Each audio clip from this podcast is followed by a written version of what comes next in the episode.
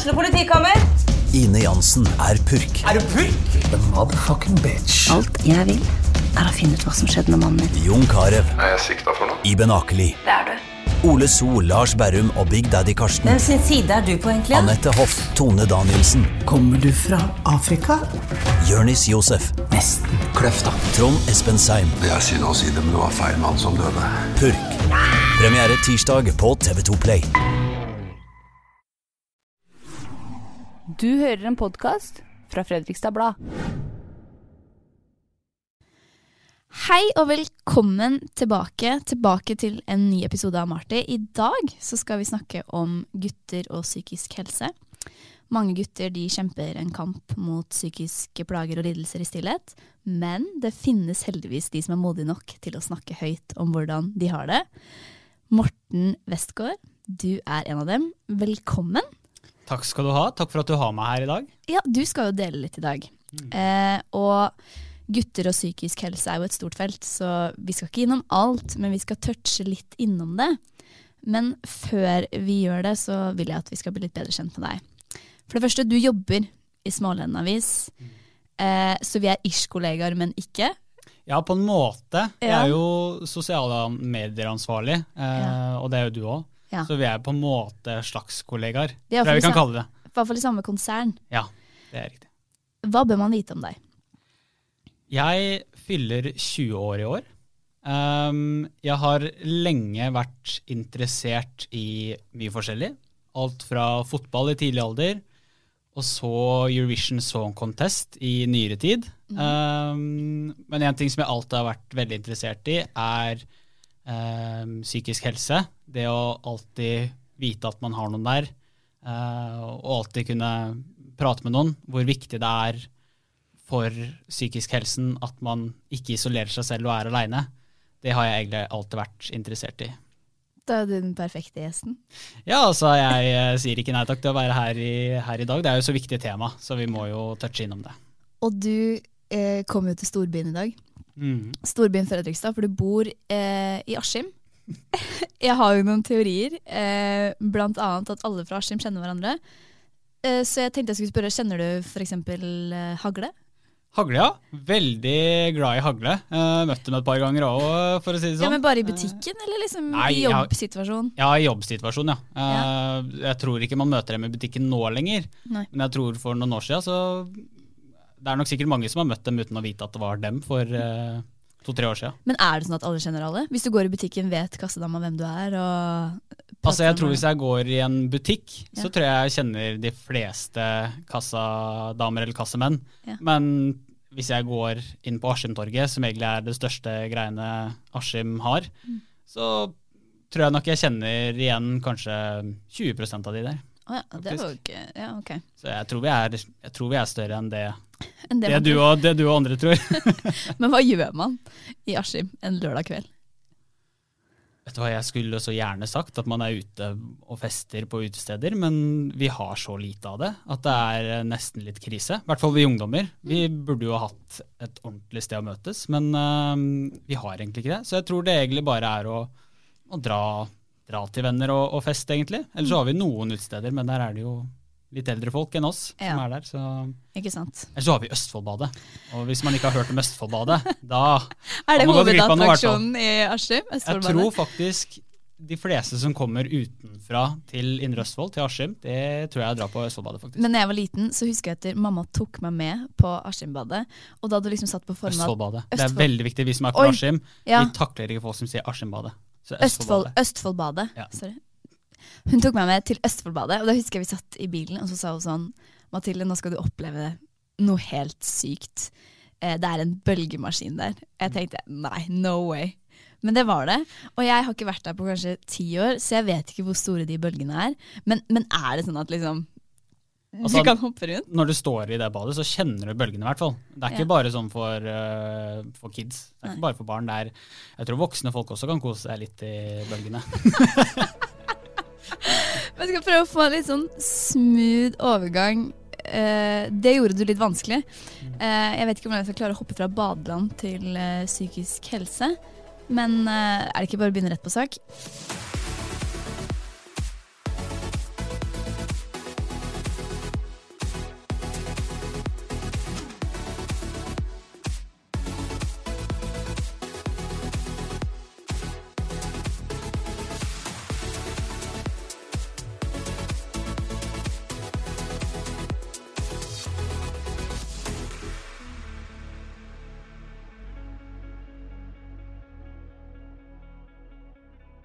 15. februar 2019, så det var en dag som endra seg for deg, Morten. Hva skjedde den dagen? 15.2.2019 så ble det publisert en sak på Aftenpostens side. Uh, Aftenpostens sted hvor ungdommer kan sende inn sine egne artikler da, og mene det de mener, egentlig. Mm. Um, og jeg valgte da å skrive en sak, eller en artikkel da, om psykisk helse. Uh, egentlig litt pusha fra norsklæreren min Oi. i første videregående. Uh, for vi hadde en slags skriveøkt i norsken som jeg da valgte å skrive litt sånn vagt om psykisk helse. Mm. Når jeg leverte den uh, inn, så fikk jeg gode tilbakemeldinger fra, fra læreren, uh, som mente at dette her bør du gjøre noe mer ut av. Uh, så da la jeg den litt mer personlig. Um, så egentlig læreren din som leste Det var egentlig læreren min, Merete Henden. Jeg må bare gi shout-out, for ja. hun har liksom vært drivkraften i både det ene og det andre. Ja. så det ble den saken publisert Aftenposten, og jeg var veldig, veldig spent på hvordan den kommer til å bli tatt imot. For det var egentlig første gangen jeg gikk ut med noe personlig, da, offentlig, i offentlig rom. Ikke bare for lokalavisa, liksom? Nei, det er, det er, jo liksom Aftenposten, the, mm. the, real deal. Så da leverte jeg den, den kom ut. Jeg var veldig spent på hvordan folk kommer til å reagere. Men egentlig alle venner, familie, til og med folk jeg ikke visste hvem var, støtta det, likte innlegget, og rett og slett det pusha meg videre da, til, å, til, å, fortsette å ta opp kampen da, om, om, gutter og psykisk helse. Og den teksten, den er veldig fin, den har jeg lest. og jeg tenker Hvis man har lyst til å finne den, så kan man egentlig bare google navnet ditt. Mm. Morten Westgård, da kommer den ganske tidlig. Men jeg tenker for de som ikke har lest den, så tenkte jeg bare skulle lese litt av det som står der, veldig fort. Eh, for du skriver blant annet at jeg orket ikke ta på meg klær eller spise mat, ville ikke si hei til mamma og pappa. Jeg har hatt så mørke dager at jeg kunne kjørt og kjørt og ikke brydd meg om hvor jeg hadde endt opp. Du skriver også selv om jeg mistet mye, mistet venner, styrke, mot, mistet mye tid og penger, så trodde jeg fortsatt på at det fantes en løsning. Du beskriver veldig sånn uh, dype ting her. Når er det du hadde det sånn her? Jeg tror nok det hele startet i 2017, på høst-vinterparten der, så var det en ting Jeg skal ikke gå akkurat i detalj på hva som skjedde, eller hva det var, men mm. det var en månedsperiode eller to hvor dag for dag så gjorde jeg stadig en dum ting, en dum ting, og mm. klarte liksom ikke komme meg ut av den dårlige sirkelen. da. Men kan Du komme, vet, du trenger ikke gå i detalj på det, mm. men et eksempel på en dum ting som du mener er en dum ting? Altså, en dum ting kan være alt fra å lyve, mm. stjele. Mm. Bare å gjøre en av de to tingene, eller det finnes sikkert masse annet òg, mm. som man gjør dag etter dag etter dag etter dag, uten å kunne stoppe. Og så bare går det så langt til slutt at man bare ender opp i et høl som man egentlig har gravd sjøl, og så kom han seg ikke ut av det til slutt. Um, det var egentlig det som, som hendte, at man graver seg så langt ned at man rekker ikke overflaten lenger. Nei. Og da må man bare Eneste måten for å komme seg opp igjen, er jo å få hjelp, mm. egentlig. Men det å sitte i det og be om hjelp, hvordan klarte du det? Til slutt så hadde jeg egentlig ikke noe, noe annen måte enn å be om hjelp. Til slutt så bare kom det til et punkt hvor det var sånn Nå, nå, må, jeg, nå må, jeg, komme meg ut, på en mm. måte. Nå, nå har det gått for langt.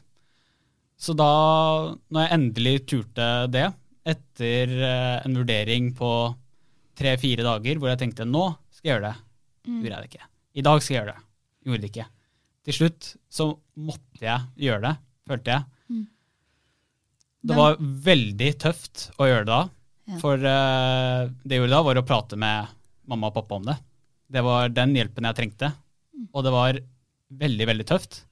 Men etter den kvelden, det ble nesten natta òg, mm. fordi vi hadde holdt på så lenge, så gikk det egentlig rett og slett bare oppover etter det. Og da innså jeg veldig raskt hvor viktig det er å bare prate med noen om det. Samme hvem det er. Uansett hvem det er. Så hvis du får det ut av ditt eget hode, drodler det med andre, så er det med en gang mye lettere. Er det vondt å tenke tilbake på hvordan du hadde det da?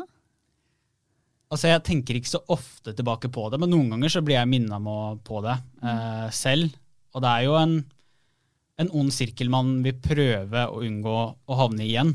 Um, og så er det noen ganger man blir frista til, til å gjøre det, men så må du tenke på hva, hvordan det var sist. At det var rett og slett helt for jævlig. Og da må man egentlig bare prøve å se unna det, prøve å tenke positivt og lære av sine feil. Men en ting er å fortelle det til de du har rundt deg, Mm. men du ville jo fortelle det også til hele Norge. Hva var det som gjorde at du hadde lyst til det? Jeg tenkte at hvis jeg går gjennom dette, så er jeg sikkert ikke aleine. Det er sikkert mange andre som sitter der ute i, i hele Norge og, og kjenner på tunge tanker, da, uansett hva de har opplevd eller hva de har gjort. Hva andre har gjort, så er det noen som sitter her med eh, som sitter her og har gravd sin egen grav, eh, og som må hjelpes ut. Og da tenker jeg å vise at hei, her er jeg. Er det noen andre som også har det litt vondt eller har det litt kjipt, så er du ikke aleine. Nei. Og det er eh, flere forhold som kan tyde på at gutta ikke har mindre behov for hjelp enn jenter. Jeg tenkte jeg skulle nevne noen av de hovedpunktene som jeg har funnet. da.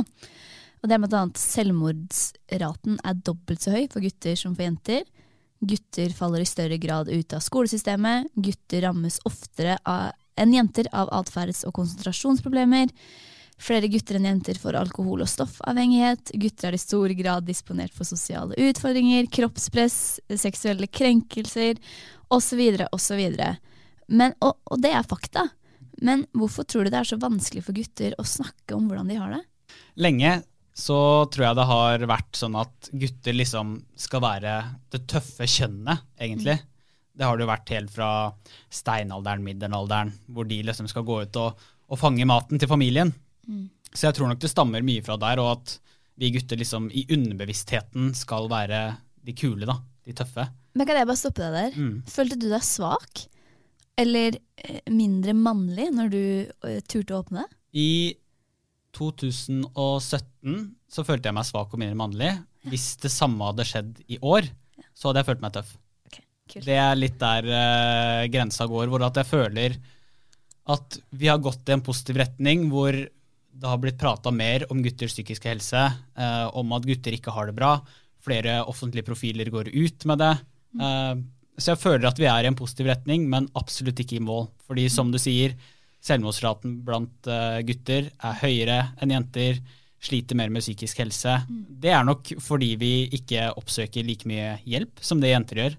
Eh, jenter prater mye mer med venninnene sine hvis de har et problem. Mens gutter prøver liksom å, å dra på det selv, sånn at det ikke skal være en byrde for andre. egentlig. Men det er så typisk meg at jeg må bare stoppe deg der. Men tilbake til det jeg egentlig spurte om. Eh, tror du det er flere grunner til at gutter syns det er vanskelig, enn det med maskulinitet? da? Jeg tror, altså Nå skal jeg snakke fra egne erfaringer, da, fra det jeg har opplevd fra både ungdomsskole, videregående. Så er det jo veldig stort behov for å måtte passe inn eh, for gutter. Og jeg tror det er at hvis du viser at du er sårbar, gråter i en guttegjeng, så er det lettere for deg å bli rett og slett ekskludert fra den gjengen. Eh, mens noen gjenger kanskje er lettere å være sårbar i, hvor man står sammen. Da.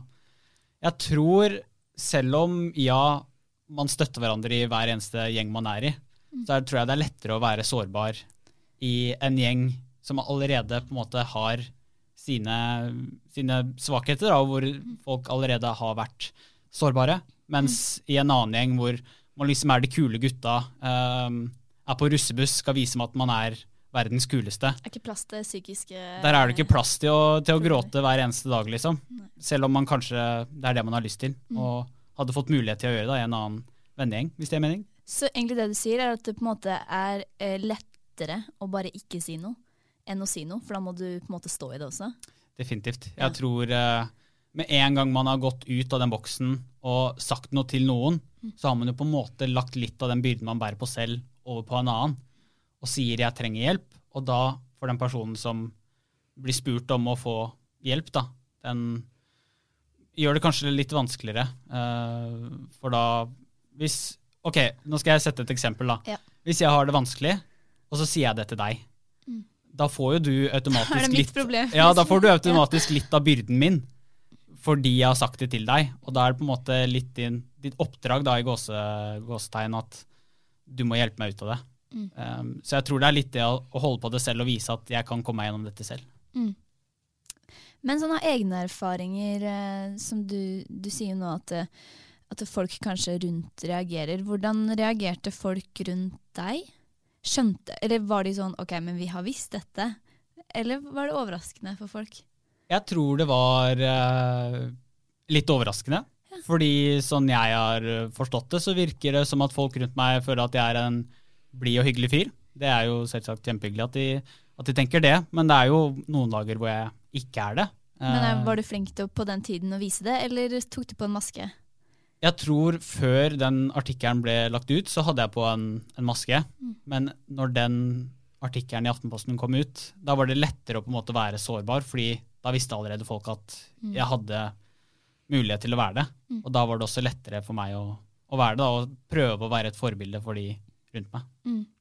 Jeg har lest en uh, rapport som var faktisk utrolig bra. Den kan jeg bare si til, hvis dere har lyst til å lese, så må dere lese den.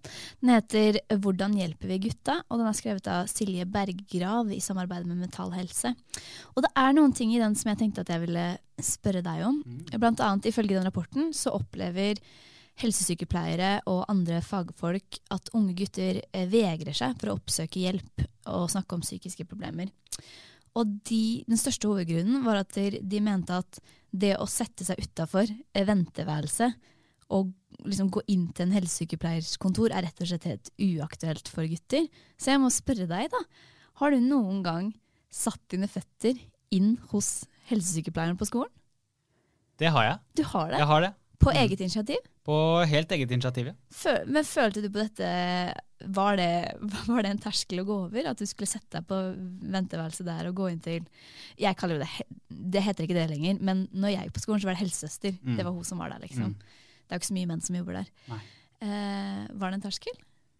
Jeg følte at terskelen definitivt var der, men mm. for min del så var den ikke så veldig stor. Mm. For jeg føler at når man har hjelp på skolen, mm. så er det jo absolutt all grunn til å bruke den. Og nå vet jeg det at i hvert fall i Askim og Mysen, hvor jeg kommer fra, så har det jo nå kommet på plass eh, helsesykepleiere òg. Nei, helse, ja. helsepsykologer oh, ja. har det kommet på plass der. Ja. Uh, en på Askim videregående, en på Mysen videregående.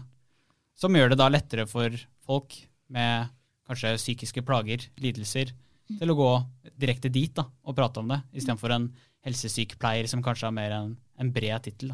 Mm. Og så I den rapporten også så, skrev, eh, så står det at der, eh, helsetilbudene retta mot gutter er litt sånn feil tilbud. At man eh, Ja, dette med å gå til helsesykepleier og sitte og snakke om hvordan du har det, det kanskje, ligger kanskje ikke i gutters natur, og derfor ikke de oppsøker det. Mm. Uh, så jeg tenker, du som er gutt, jeg må spørre deg, hvordan ville du at du skulle blitt approacha hvis du skulle snakka om egne følelser? Hva hadde du følt vært mest naturlig og best? Jeg tror egentlig bare at helsesykepleieren hadde gjort jobben sin og stille spørsmål. Mm. Uh, for det blir lettere å forstå. Og så får heller gutten selv bestemme hvor mye en vil dele eller ikke. Mm. Men jeg tror det er viktig også for helsesykepleieren å, å, få ut det gutten innerst inne tenker og bærer på. Mm. Fordi desto mer ekte den gutten som sitter der inne sammen med helsesykepleier er, desto lettere er det å gi riktig hjelp hvis det trengs, eller komme med riktig råd. Mm. Noe annet interessant også var at eh, de har funnet ut at mannlige forbilder er veldig effektivt for å få gutter og menn til å snakke om psykisk helse. Har du hatt noen forbilder som du har sett opp til? Definitivt. Jeg har hatt uh, flere opp gjennom åra. Uh, Hvem da? Jeg har uh, Viktor Sotberg, ja. en uh, YouTuber, nå influenser, som har rett og slett gått ut med en historie da han er bifil. det var en historie jeg lenge dette kommer kanskje til å høres litt rart ut, men jeg trodde lenge at jeg kunne relatere. Fordi det var en periode i 2018 Jeg vet ikke om det her gir mening, men jeg, men jeg trodde jeg var bifil. ja, det kan godt hende. Og så nå har jeg jo funnet ut at det var jo bare noen følelser som jeg følte på da. Men som jeg, som jeg har gått vekk fra. da. Men den historien hans om at han har blitt mobba på skolen, kommet seg gjennom det og er den blide, positive fyren som han er nå. Jeg skjønte ikke hvordan det var mulig, når han har den forhistorien han har. Mm. Men rett og slett bare viktigheten med å, med å smile til hverandre og, og, være positiv, hvor viktig det er da, for mm. folk rundt, da, for at de skal føle seg blide og positive òg. Mm. Og Erik Follestad i nyere tid, mm. som har en egen podkast om uh, Tidligere hockeyspiller. Tidligere hockeyspiller. Skikkelig gutteyrke lenge, egentlig. Ja. Uh, og går og viser følelser og er, uh, er vulnerable, da. Mm. Så han har jo også vært en inspirasjon lenge. Mm. Og hva slags betydning har det, tror du, for andre at eh, sånne gutter som de, da, Uh, Victor, som da er bifil, men som har supersuksess. Han, han er vel tilknytta NRK? Mm. Eh, eller han var det. Nå var er han vel uh, TV 2 eller VG. Okay, tror jeg er TV 2. Ikke hør på det vi sier. bare glem det. Vi Alt som er fakta, vi bare... nevnte alle mediene som de fins. Det er en av de. ja. Tror det er TV 2, altså. Man har vært med på Skal vi danse, i hvert fall. Ja. Um, og Erik Follestad, da, at, eh, som er på en helt andre siden, tenker jeg, da, at de er åpne og snakker om det.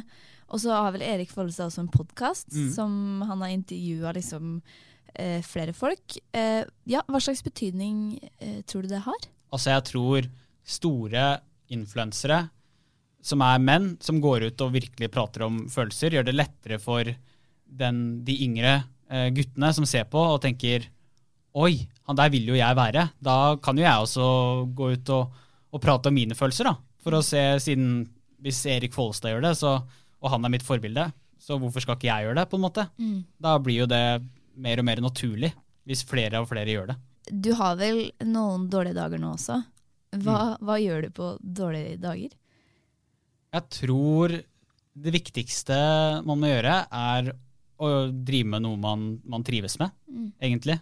Eh, noen sier at man liksom å, prøv å lære deg noe nytt, liksom. Rubiks kube eller et eller annet sånt. Men jeg har aldri vært noe interessert i å lære meg noe nytt, for det tar så lang tid. Så jeg har bare prøvd å, prøvd å gjøre det jeg liker. Jeg liker å game, blant annet. Jeg liker å se på serier. Jeg liker å gå turer. Jeg tror det er bare å finne de tingene man brenner for, interesserer seg for, um, og gjøre de tingene. Samtidig så må man ikke glemme å ha kontakt med andre mennesker. Mm. Det er også veldig viktig. Er det noe som trigger deg? Det kan være alt, men at du trigges eh, sånn at du kommer litt ned i en dårlig periode? Jeg, for min del så er det veldig varierende på hvorfor jeg kommer i en dårlig periode. De fleste gangene så aner jeg egentlig ikke hvorfor. Jeg tror kanskje det handler om at det er en følelse hvor du kanskje ikke har det bra, men du har det ikke dårlig heller. Du er liksom i en sånn gråsone hvor du egentlig ikke vet hva du føler. Mm. Og det er kanskje en av de verre følelsene for min del. Fordi når man gjerne skulle vært glad, og så er du ikke det, og du veit ikke hvorfor, men du er ikke lei deg heller. Mm. Så det er ofte eller ikke ofte, men det er noen sånne dager ja. uh, hvor jeg egentlig bare prøver å, å, komme meg gjennom. Og så prøver jeg å, å, enten prate med noen, eller spille, eller gå tur. Og så er det en av de tinga som oftest fungerer da, for at det skal bli bedre. Mm. Jeg tenkte vi kunne avslutte Sorry, nå bare ser jeg ut. Jeg vet ikke om man hører det gjennom podkasten heller. Det regner helt insane. Ja, nå, nå, nå tok det av. Jeg trodde det var en vift der inne. eller noe sånt. Jeg vet ikke om man hører det. Men, Himmelen bare eh, åpna seg. Det var ja. helt sjukt. ja. Spor den helt ut. Psykisk helse, ja. Dårlige dager, regn. Dårlige dager, regn. Mm. Så på slutten tenkte jeg vi kunne komme med litt sånn Ikke at jeg er noen ekspert, men komme med noen sånn tips til hva man kan gjøre selv mm. for å ha en god helse. Jeg har skrevet ned en ting, og det er mestring. Kjenner du på det? At hvis du gjør noe som er ukomfortabelt, og som du mestrer, så føler du deg bedre etterpå? 100% Altså, det er ting jeg ikke liker å gjøre. Mm. Uh, som man egentlig bare må prøve å komme seg gjennom. Uh, Har du noen eksempler? Jeg kan jo ta en ting fra jobbsammenheng, for det er litt gøy. Det er kjempegøy. Det er jo, altså Jeg tror det er veldig få av de jeg kjenner, i hvert fall, som liker bildeserier. Mm. For da skal man gå ut, prate med fremmede folk. Kan vi bare folk. si det? Det er helt grusomt. Det er helt forferdelig. Sorry, jeg håper ikke sjefen min hører det her. Han skal ikke få lov til å høre det her. Men det tror jeg de fleste journalister du snakker med ja. Det å på en måte gå inn F.eks. bildeserie eh, på en restaurant, har vi Mm. gjort en gang. Da skal du avbryte folk som sitter og spiser, Mm. ta kamera opp og være sånn hei. Men ja, Så altså, å- Noen ganger så blir jeg jo sendt ut på sånne oppdrag Ja. eh, mot min vilje, men jeg må jo bare si ja, fordi jeg har jo blitt tildelt den oppgaven. Mm. Og så er det sånn når du går og tar bilder, du tar kanskje 15-20 bilder, og så er man jo veldig sånn Jeg har jo fear of rejection. Jeg hater jo å bli sagt nei til. Det er det verste jeg veit. Ja. Men hvis jeg går gjennom en sånn dag, og så veit jeg at nå kommer jeg tilbake med 15-20 bilder, Mm. jeg har klart å komme meg gjennom det, selv om jeg har fått noe nei, så har jeg også fått ja. Mm. Da føler jeg liksom Det er en utrolig deilig følelse. Men det å komme seg gjennom det å ta, ta bilder til bildeserie, det er ubehagelig, altså. Det er ubehagelig. Jeg er også vet, for jeg eh, skal gjøre noe crazy i helga, faktisk. Jeg skal løpe halvmaraton Oi. i Lillehammer. Og jeg Wow. bestemte meg for at jeg skulle gjøre det helt alene. Så jeg skal kjøre opp alene. eh, Jeg skal bo på hytte alene, og jeg skal løpe alene. Oi. Og alt det syns jeg egentlig er veldig skummelt, for jeg hater å være alene. Det er det verste jeg vet. Og så jeg, jeg sitter nå og gruer meg til alt sånne smådetaljer. Sånn OK, jeg må gå i skranken. Eh, jeg må liksom få det nummeret. Hvor skal jeg gå? Hvor skal jeg sette bilen? Jeg begynner å tenke på det nå. Men så vet jeg liksom, nå har jeg trent så lenge til at jeg skal gjøre det. Og jeg vet, jeg er ganske sikker på at liksom, når jeg er ferdig med det, så kommer jeg til å være sånn I did it! Men det å kanskje sette seg sånne små Altså dette er jo løpe halvmaraton og ta bildeserier. Det er jo egentlig ganske sånne små ting, men effekten av det er Altså For oss så tror jeg det er ganske Stor. store ting, egentlig. Ja. Og det å bare komme seg gjennom det en selv syns er en stor ting, da, men som kanskje andre syns er en liten ting, Mm. det gir jo selvfølgelig en stor energiboost. For det kanskje du og jeg syns er ah, Det var jo ikke så imponerende. Hvis noen har gjort en, en spesiell ting, da, Mm. så er det jo kanskje det verdens største ting for dem. Mm. Um, så jeg tror det bare er å, å sette egne mål Mm. og komme seg gjennom, gjennom det. Selv om det er tøft, så er det jo i motbakke det går oppover. egentlig. Oi, oi, oi! Hør på poeten, da, gitt! Skal jeg tenke på når jeg løper? Det er i motbakke. jeg går oppover. Ja, ja. Men også en annen ting da, som jeg har tenkt på, det er jo det som jeg føler går igjen hos mange. Uavhengig om man, man trenger ikke slite psykisk i det hele tatt, men det å sammenligne seg med andre, Mm. det er jo så utrolig slitsomt. Og det er så enkelt nå, når man sitter på sosiale medier og, og sånn. Og i det siste så har jeg vært litt sånn OK, jeg må bare slutte. Jeg er som jeg er. Og det er alltid noen der ute som kommer til å være penere enn deg, kulere, bedre, flinkere, mer hardtarbeidende, gjør jobben bedre. Men det er sånn, du må bare akseptere det. Mm. Og jeg tenker så fort man eh, klarer å akseptere det eh, Jeg vet ikke, man må ta ansvar for sin egen helse, tror jeg, på det området. Og så slette folk. Mm. Sånn, jeg har gjort det nå, gått inn på Instagram og bare luka ut. For du skal ikke gå inn og føle deg dårlig. Nei, det er jo ikke det som er meninga med sosiale medier. Nei, det har jo blitt det. Det har jo egentlig blitt det nå, Ja. med både Instagram, TikTok. Vi har jo alle disse sosiale mediene som er Det er så lett å bli påvirka at man tenker med en gang man ser en person som kanskje er pen eller kjekk, eller som man syns er kul, er morsom. Man med en gang har lyst til å bli litt sånn som den personen, og kanskje det ikke er mye. Så tar du litt av den personen og litt av den personen, og til slutt så glemmer du litt av hvem du er. Hvem du er. Og du, slett, du, du hadde din dårligste periode i 2017. Man har kommet sykt langt fra 2017 til 2022 på sosiale medier og sånn. Tror du hvis eh, du hadde hatt din periode nå, at det hadde vært verre?